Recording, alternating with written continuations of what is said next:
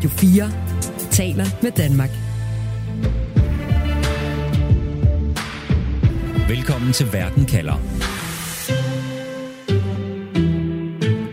Hundredvis af børn, der nu skal evakueres fra landsbyer, fordi voldsomme beskydninger rammer lejligheder, huse og en skole, og indbyggere i hovedstaden, der vågner op til høje brag og vinduer, der klirer, da en etageejendom bliver ramt af et droneangreb. Det lyder som den krigsvirkelighed, mange ukrainere lever med hver dag. Men nu er det også den virkelighed, som flere russere lever i. For de her angreb, de er sket ikke på ukrainsk, men på russisk jord. Onsdag og natten til torsdag kom endnu en russisk grænseby under massive bombardementer. Det sker oven i andre angreb tidligere på ugen i den russiske grænseregion, der dræbte en og sårede flere, og oven i de droneangreb mod både Moskva og mod et russisk olieraffinaderi. Derfor spørger jeg i dag, er krigen kommet til Rusland? Jeg hedder Stine Krohmann Dragsted. Velkommen til Verden kalder, programmet, hvor jeg stiller skarp på et aktuelt spørgsmål om verden, og på en halv time giver dig svar. Du lytter til Radio 4. Så lad os undersøge, hvor det stiller Putin og Rusland, både politisk og militært, at almindelige russiske borgere nu også er under angreb i dele af Rusland, og hvad det betyder for Putins invasionskrig i Ukraine. Sammen med mine to gæster i dag, velkommen til Flemming Splidsbol. Du forsker i Rusland og i det postsovjetiske område på DIS, og så har du også sammen med Niels Bo Poulsen udgivet bogen Putins krig om årsagerne til Putins krig øh, i Ukraine. Og så også velkommen til dig, Kenneth Nyman Pedersen. Du er major ved Center for Landmilitære Operationer på Forsvarsakademiet. Lad os starte med at kigge på de sidste angreb på russisk jord. For tredje gang på en uge er en russisk by i grænseprovinsen blevet beskudt. Den her gang er der otte lejlighedskomplekser, fire hjem og en skole og to administrative bygninger, der er blevet ramt ifølge regionens guvernør. Og faktisk er der også lige kommet øh, et telegram, for guvernøren siger, at nu er der også to, der er såret øh, i et droneangreb i samme by. Kenneth Nyman Pedersen, jeg står med billeder her af og videoer ikke, for de ødelæggelser fra, fra angrebet her. Øh, jeg kan se udbrændte bilfrag, jeg kan se sorte, tykke røgsøjler, der stiger op fra, fra en ejendom. Hvad viser det om, hvordan de her angreb er foregået? Ja, så det er i hvert fald præg af, at, øh, at der har været sådan en relativt massiv øh, hvad skal man sige, militær tilstedeværelse og øh, også våbenvirkning på områderne. Og umiddelbart kan det være svært at se, øh, hvorvidt den våbenvirkning kommer fra, øh, fra artilleri, eller motorer, eller måske, øh, eller måske luft, luftstyrker. Øh, men det virker i hvert fald til, at der er blevet brugt øh, granater med eksplosiver i, øh, som kan forsøge de her skader her. Tirsdag morgen, der var det jo indbygger i Moskva, der vågnede op til brag og vinduer, der klirrede, da, da droner slog ned i to boligbyggerier i den russiske øh, hovedstad. Og der var Moskvas borgmester ude at oplyse, at adskillige bygninger havde lidt mindre skade.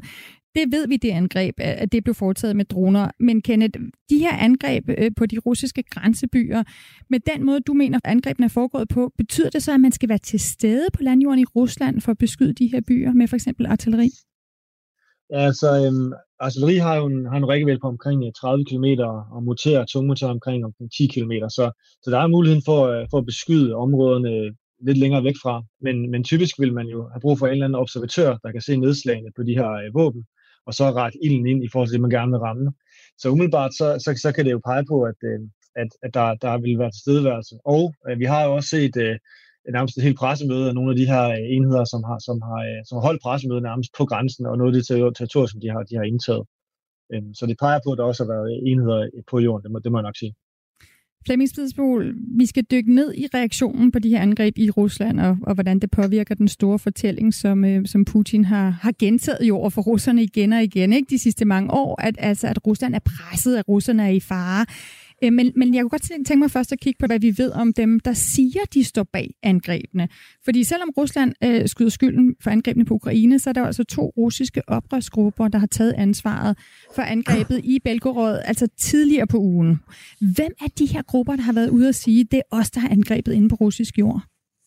Det er jo russiske oppositionsgrupper, væbnede grupper, øh, som øh, efter Ruslands åbne invasion af Ukraine i februar sidste år har besluttet at tage kampen op øh, mod det russiske forsvar og jo i sidste ende mod det russiske styre. Og det er øh, legion øh, for et frit Rusland, som er den ene af dem, og så har vi et øh, frivilligt korps, russisk frivilligt korps, som er den anden.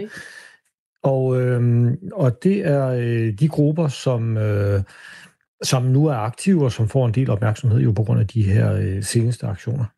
Og Flemming, har de her russiske oprørsgrupper eller paramilitærgrupper, har de den samme øh, dagsorden?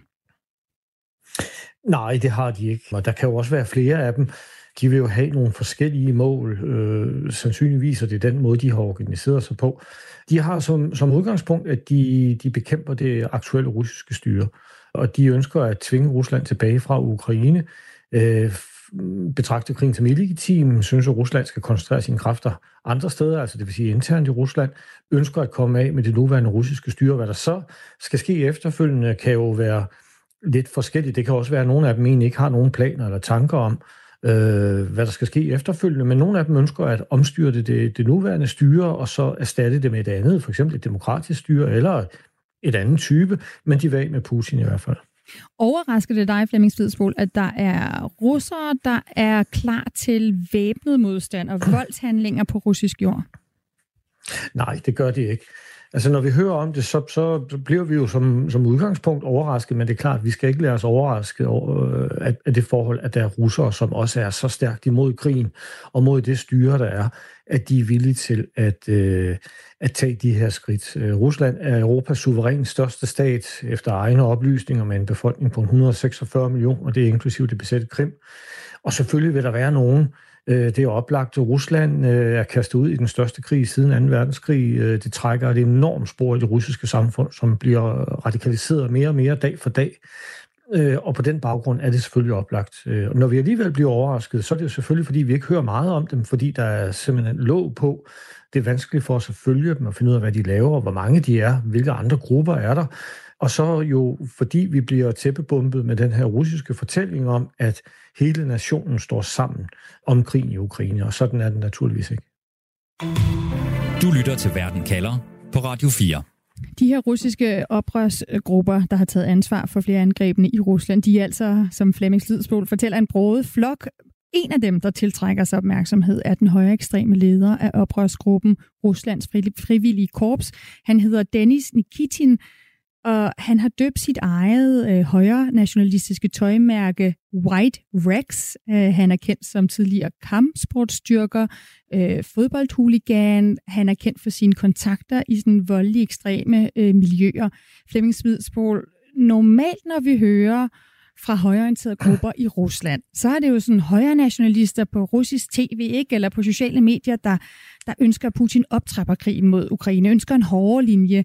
Så øh, man kan godt blive forvirret, når vi pludselig hører om, at der også er russiske højre radikale, der ønsker at vælte Putin og, og støtter Ukraines kamp.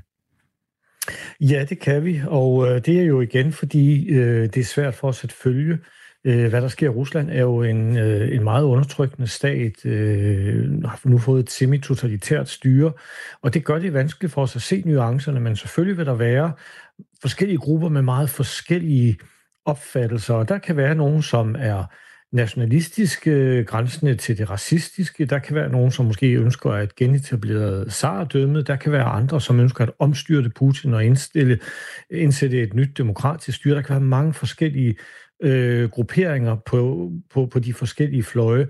Øhm, øh, og, og det er oplagt, at der internt i Rusland i dag, også det hører vi også fra russiske eksperter, er en betydelig modstand øh, i nationalistiske kredse mod Putins styre, simpelthen fordi de synes, at Putin øh, har ødelagt den russiske stat øh, gennem korrupt, øh, nepotistisk øh, system, som, øh, som har været med til i sidste ende at svække Rusland, og som har forhindret Rusland i at følge dets udviklingsvej.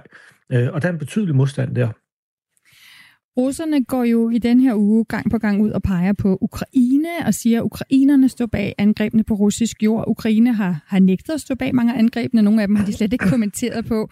Flemming, hvad er forskellen på, om det er ukrainer eller russer, der står bag de her angreb, når Kremls talsperson skal forholde sig til, til dem hjemme i Rusland? Ja, det, betyder, det betyder meget. I sidste ende er det jo, i sidste ende er det jo amerikanerne, der står bag det hele. Øh, ifølge og russerne? Til det punkt, ja, ifølge russerne. Okay. Og inden vi når til det punkt, så er det ukrainerne, der står bag. Og, og inden vi så når til det punkt, så kan der være nogle enkelte russiske grupper, men, men det er vanskeligt for det russiske styre at acceptere at anerkende og meddele det offentligt, at der faktisk er russere, der er mod i krigen, og som er villige til at bekæmpe russiske soldater. Øh, så er det meget nemmere at sige, at det er ukrainerne, der står bag. Øh, så, så det er standardreaktionen. Det er ligesom øh, Øh, deres intuitive tænkning, eller i hvert fald den måde, de går i medierne på, det er, at det er Ukraine, der står bag. Det er Ukraine, der har gennemført droneangreb. Det er Ukraine, der har gennemført terroraktioner, som de jo typisk øh, bliver beskrevet i, i, i de russiske medier. Men det er vanskeligt for dem øh, at tale om en russisk opposition på den her måde. Kenneth uh, Nyman Pedersen, altså major ved Center for Landmilitære Operationer på Forsvarsakademiet. Du er stadig med øh, rent militærlogisk, Kenneth. Gør det så en forskel, om det er russiske oprørsgrupper, eller om det er ukrainere, der står bag de her angreb? Ja, det er jo super interessant, fordi jeg er jo helt enig i, hvad Flemming han siger, men sådan rent rent militært, så, så vil jeg mene, at det faktisk ikke gør nogen forskel i den forstand, at øh, de her handlinger her, der foregår lige nu på russisk jord, det er handlinger, som, som den russiske militærledelse og i virkeligheden også politisk ledelse ikke, ikke accepterer.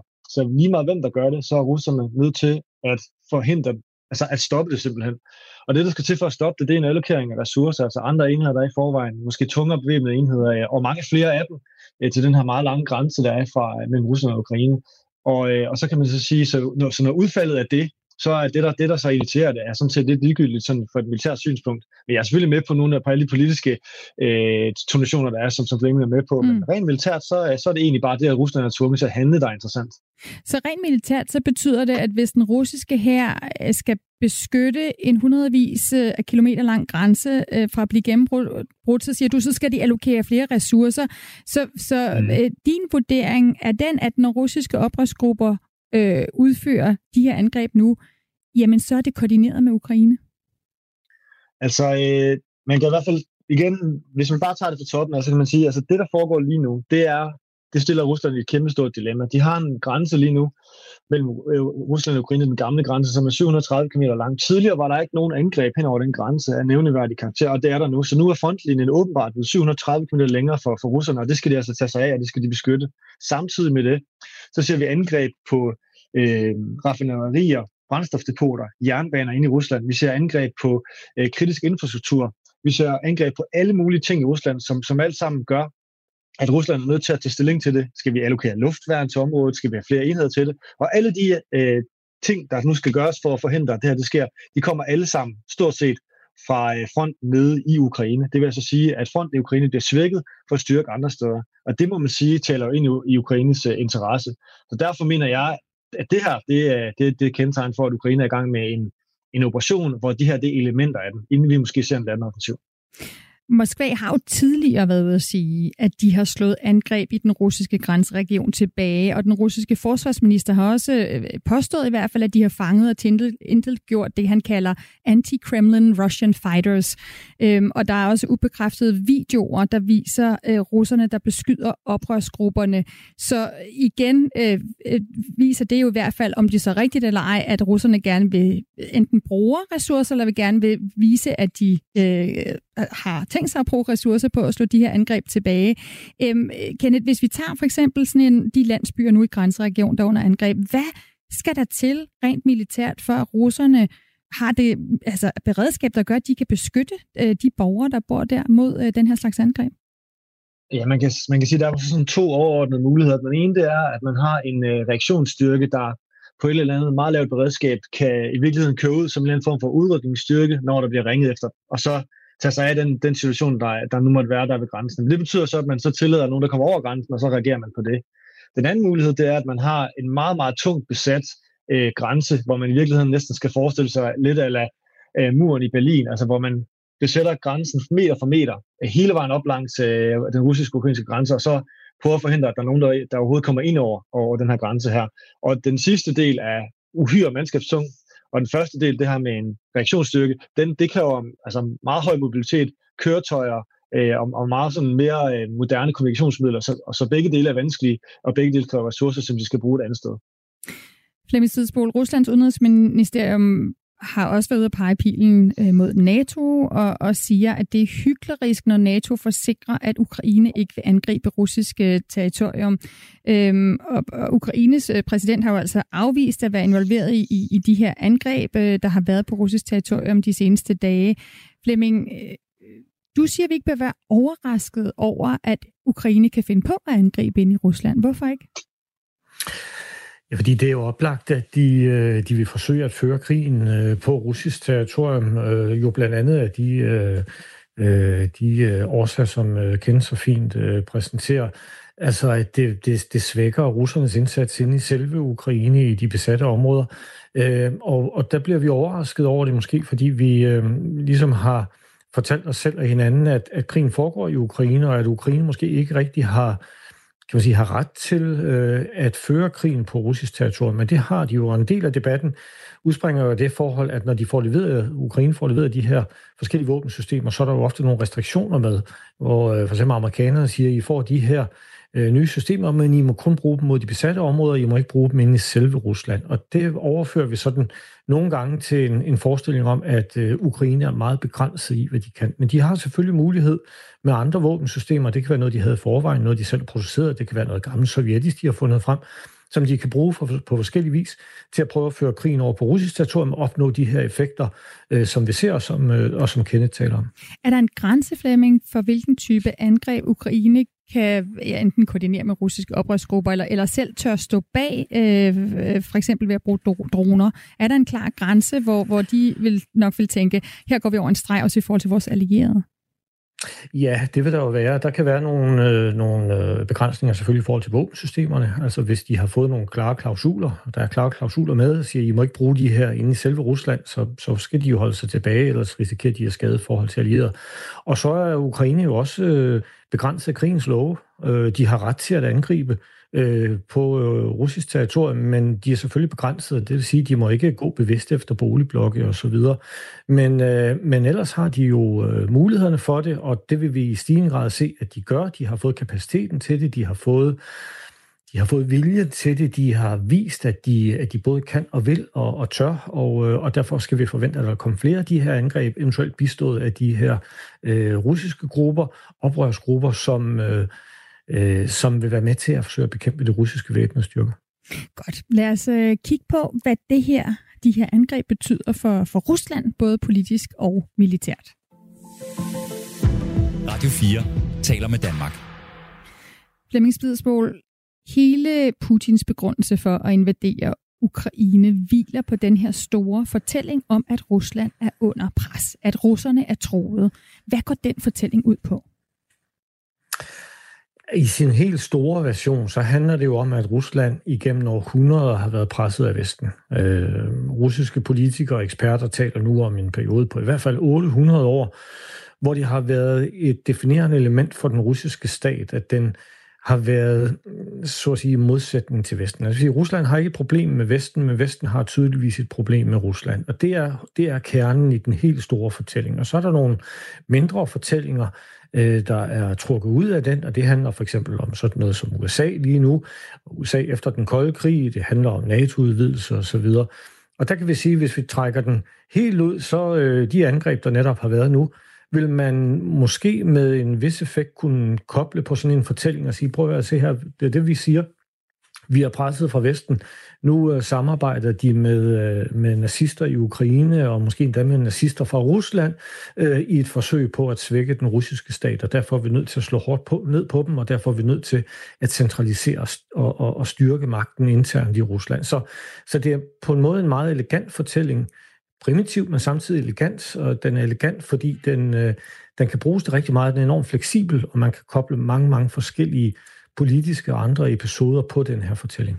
Og står vi så i den pussy situation, at den fortælling er nu på en eller anden måde netop er blevet sand? Altså, at, at, øh, at vi har jo set øh, Putin ikke gå på russisk tv og kalde de her angreb i, i den her uge for terroristaktivitet. Ikke? Og også sagt, at Ukraine forsøger at intimidere Rusland, intimidere russiske indbyggere.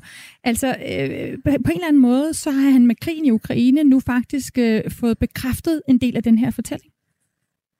Ja, det har han, øh, men jo nok kun i en vis udstrækning. Det er jo ikke sikkert, at russerne tror på den. Det kan også være, at russerne tror på den, men i sidste ende synes at omkostningerne er for, er for høje. Mange russere kan jo godt huske tilbage til tiden før den 24. februar sidste år, øh, og tænker måske, der var livet nemmere. Øh, der havde vi ikke de her store problemer, og, og vi levede trods alt øh, dør om dør med ukrainerne i mange år, uden der skete noget. Så måske passer det ikke helt, eller måske skulle vi prøve at finde en anden løsning eller noget. Men som udgangspunkt, ja, så vil de prøve at bruge den. Det gør de med alle øh, episoder, stort set alt, hvad der er, øh, øh, sådan på daglig basis, øh, som kommer fra politisk hold og i de russiske medier, bliver koblet på den her store fortælling. Så, så det er et meget effektivt redskab for dem, for at forsøge at rammesætte meget af det, der sker. Men i sidste ende kan det jo være, at elastikken øh, springer, og så, mm. og så vil der ikke være mulighed for, at de kan bruge den mere, fordi befolkningen vil afvise det, eller vil have gennemskuddet det på et tidspunkt. Så, så det faktum, at den krig, Putin har kastet Rusland ud i, at det har resulteret i, at almindelige russere nu også er mindre sikre i deres eget land, det siger du, det kan også være med til at ændre synet på krigen i Ukraine blandt den russiske befolkning. Ja, præcis, men det er vanskeligt for os at måle, og det er også mm. meget sandsynligt, at selv i, i de allerinderste kontorer af Kreml, der forstår de det ikke helt, og de ved ikke, hvornår det kommer til at ske. De forsøger at holde fast og nu lad os bare antage, at Putin kan bruge det her aktivt til, i sin store fortælling, så er der samtidig ingen tvivl om, at han var helst fri for det. Altså det her, det er jo et problem for ham, at, øh, at vestlige dele af Rusland, altså i grænseområdet til Ukraine, bliver berørt af krigen på denne her måde, at folk skal evakueres. Der er de her store historier i medierne hver eneste dag. Det var han selvfølgelig helst fri for.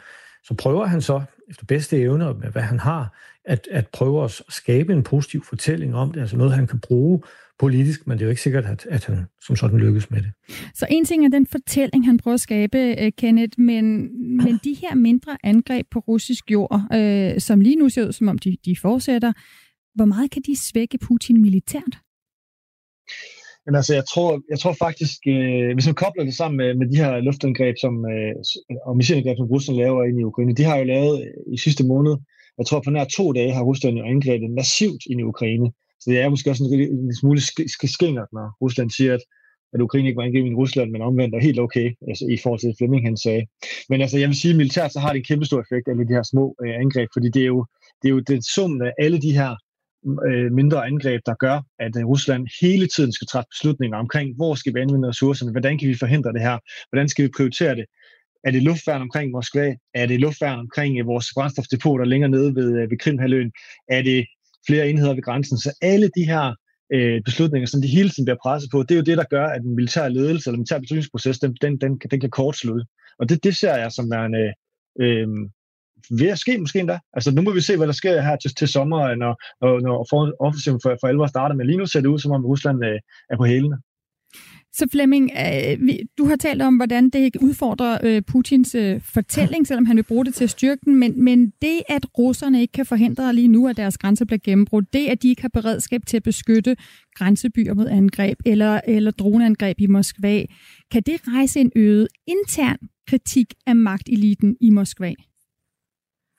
Ja, det kan sagtens føre til mere kritik, i hvert fald i vil sige, dele af medierne, måske dele af bloggermiljøet, der skal nok lidt mere til, før det sådan rigtig når toppen, men, men der kan sagtens komme noget kritik, og derfor kan være kritik af, at man ikke håndterer situationen ordentligt. Man bør slå meget hårdere til mod ukrainerne for eksempel, men der har også været kritik i de seneste uger af, at beredskabet ikke fungerer, at man ikke øh, kontrollerer grænsen, at man ikke øh, tilsikrer, at, øh, at, at Øh, forskellige typer øh, ikke kan, øh, kan komme over grænsen og gennemføre de angreb, som, øh, som de ønsker. Så, så det giver anledning til kritik, øh, og det er klart, at russerne vågner også op til de her nyheder og er opmærksom på, at der sker noget nyt. Og de bliver også forberedt på af deres medier, at det her det vil tage til.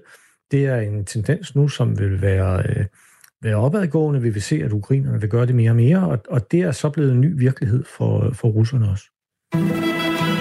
Du lytter til Radio 4. En ny virkelighed, som russerne vågner op til, hvor der altså nu er angreb i grænseregioner i, i, i Rusland, og der er droneangreb i Moskva af nogle af de seneste tiltag, vi har set. Og nu kunne jeg godt tænke mig at få et svar på det spørgsmål, jeg stiller i dagens program. Er krigen kommet til Rusland? Kenneth Nyman Pedersen, hvad er dit svar på det spørgsmål? Ja, altså, øhm, der er rage i Rusland. Der er nogen, der angriber i Rusland på, på over grænsen. Det udsatte luftrum, det er sårbart over for angreb. Selv i Moskva, hvor luftforsvaret skulle være bedst, er de sårbare. Selv de mest intensive missilangreb fra Rusland ind i Ukraine, de har begrænset effekt, fordi ukrainerne er så dygtige til at skyde dem ned. fly og helikopter, russiske bliver skudt ned. Jeg vil mene, at krigen i hvert fald som perception, og som at det går rigtig, rigtig dårligt, den kan ikke længere skjule. Så på den måde er, er, er krigen i hvert fald kommet ind i stuerne i Rusland. Det vil, det vil jeg mene. Men, øh, men, men om egentlig krigshandlinger, nej, det mener jeg ikke. Flemming Spidsbol, du sagde lidt tidligere i programmet, krigen foregår ikke bare i Ukraine, og så er spørgsmålet jo, er krigen så kommet til Rusland? Ja, den er i hvert fald kommet til Rusland i, i, i hvad kan man sige, den, den, den almindelige opfattelse af, hvad der, der sker. Der er jeg meget enig med Kenden. Når jeg kigger på de russiske medier, så, så er det jo de her historier, der fylder. Der er også historier om, at det russiske forsvar kæmper fantastisk over i Ukraine, at de har stor succes med det, de gør, og de er klar til modoffensiv osv. osv. Men, men tophistorien er jo, at Rusland er under angreb, Rusland er under beskydning, almindelige russere bliver berørt af det her. Så på den måde så fylder det, og der er det klart, det er jo et stort land, og langt størstedelen af russerne er jo fuldstændig uberørt på den måde rent fysisk, men i deres bevidsthed om krigen, der er der ved at ske noget andet nu. Sådan sagde Flemming Spidsbol, altså forsker i Rusland og det postsovjetiske område på DIS, som også sammen med Niels Bo Poulsen har udgivet bogen Putins krig. Og vi hørte også en vurdering fra Kenneth Nyman Pedersen, major ved Center for Landmilitære Operationer på Forsvarsakademiet. Uanset hvad der sker, så kan du få svar på et afgørende spørgsmål her i Verden kalder med mig, Stine Krohmann Dragsted. Det er mandag og torsdag, at du kan lytte til programmet live. Først en halv time om en aktuel sag i Verden kalder, og dernæst får du 30 minutters Verden kalder perspektiv, hvor jeg sætter et spørgsmål om verden ind i en større sammenhæng og giver dig svar. Og så kan du selvfølgelig altid lytte til Verden kalder som podcast lige når du vil, for eksempel ved at finde Verden kalder på Radio 4's app, eller lige der, hvor du lytter til dine podcasts. Du har lyttet til en podcast fra Radio 4. Find flere episoder i vores app, eller der, hvor du lytter til podcast. Radio 4 taler med Danmark.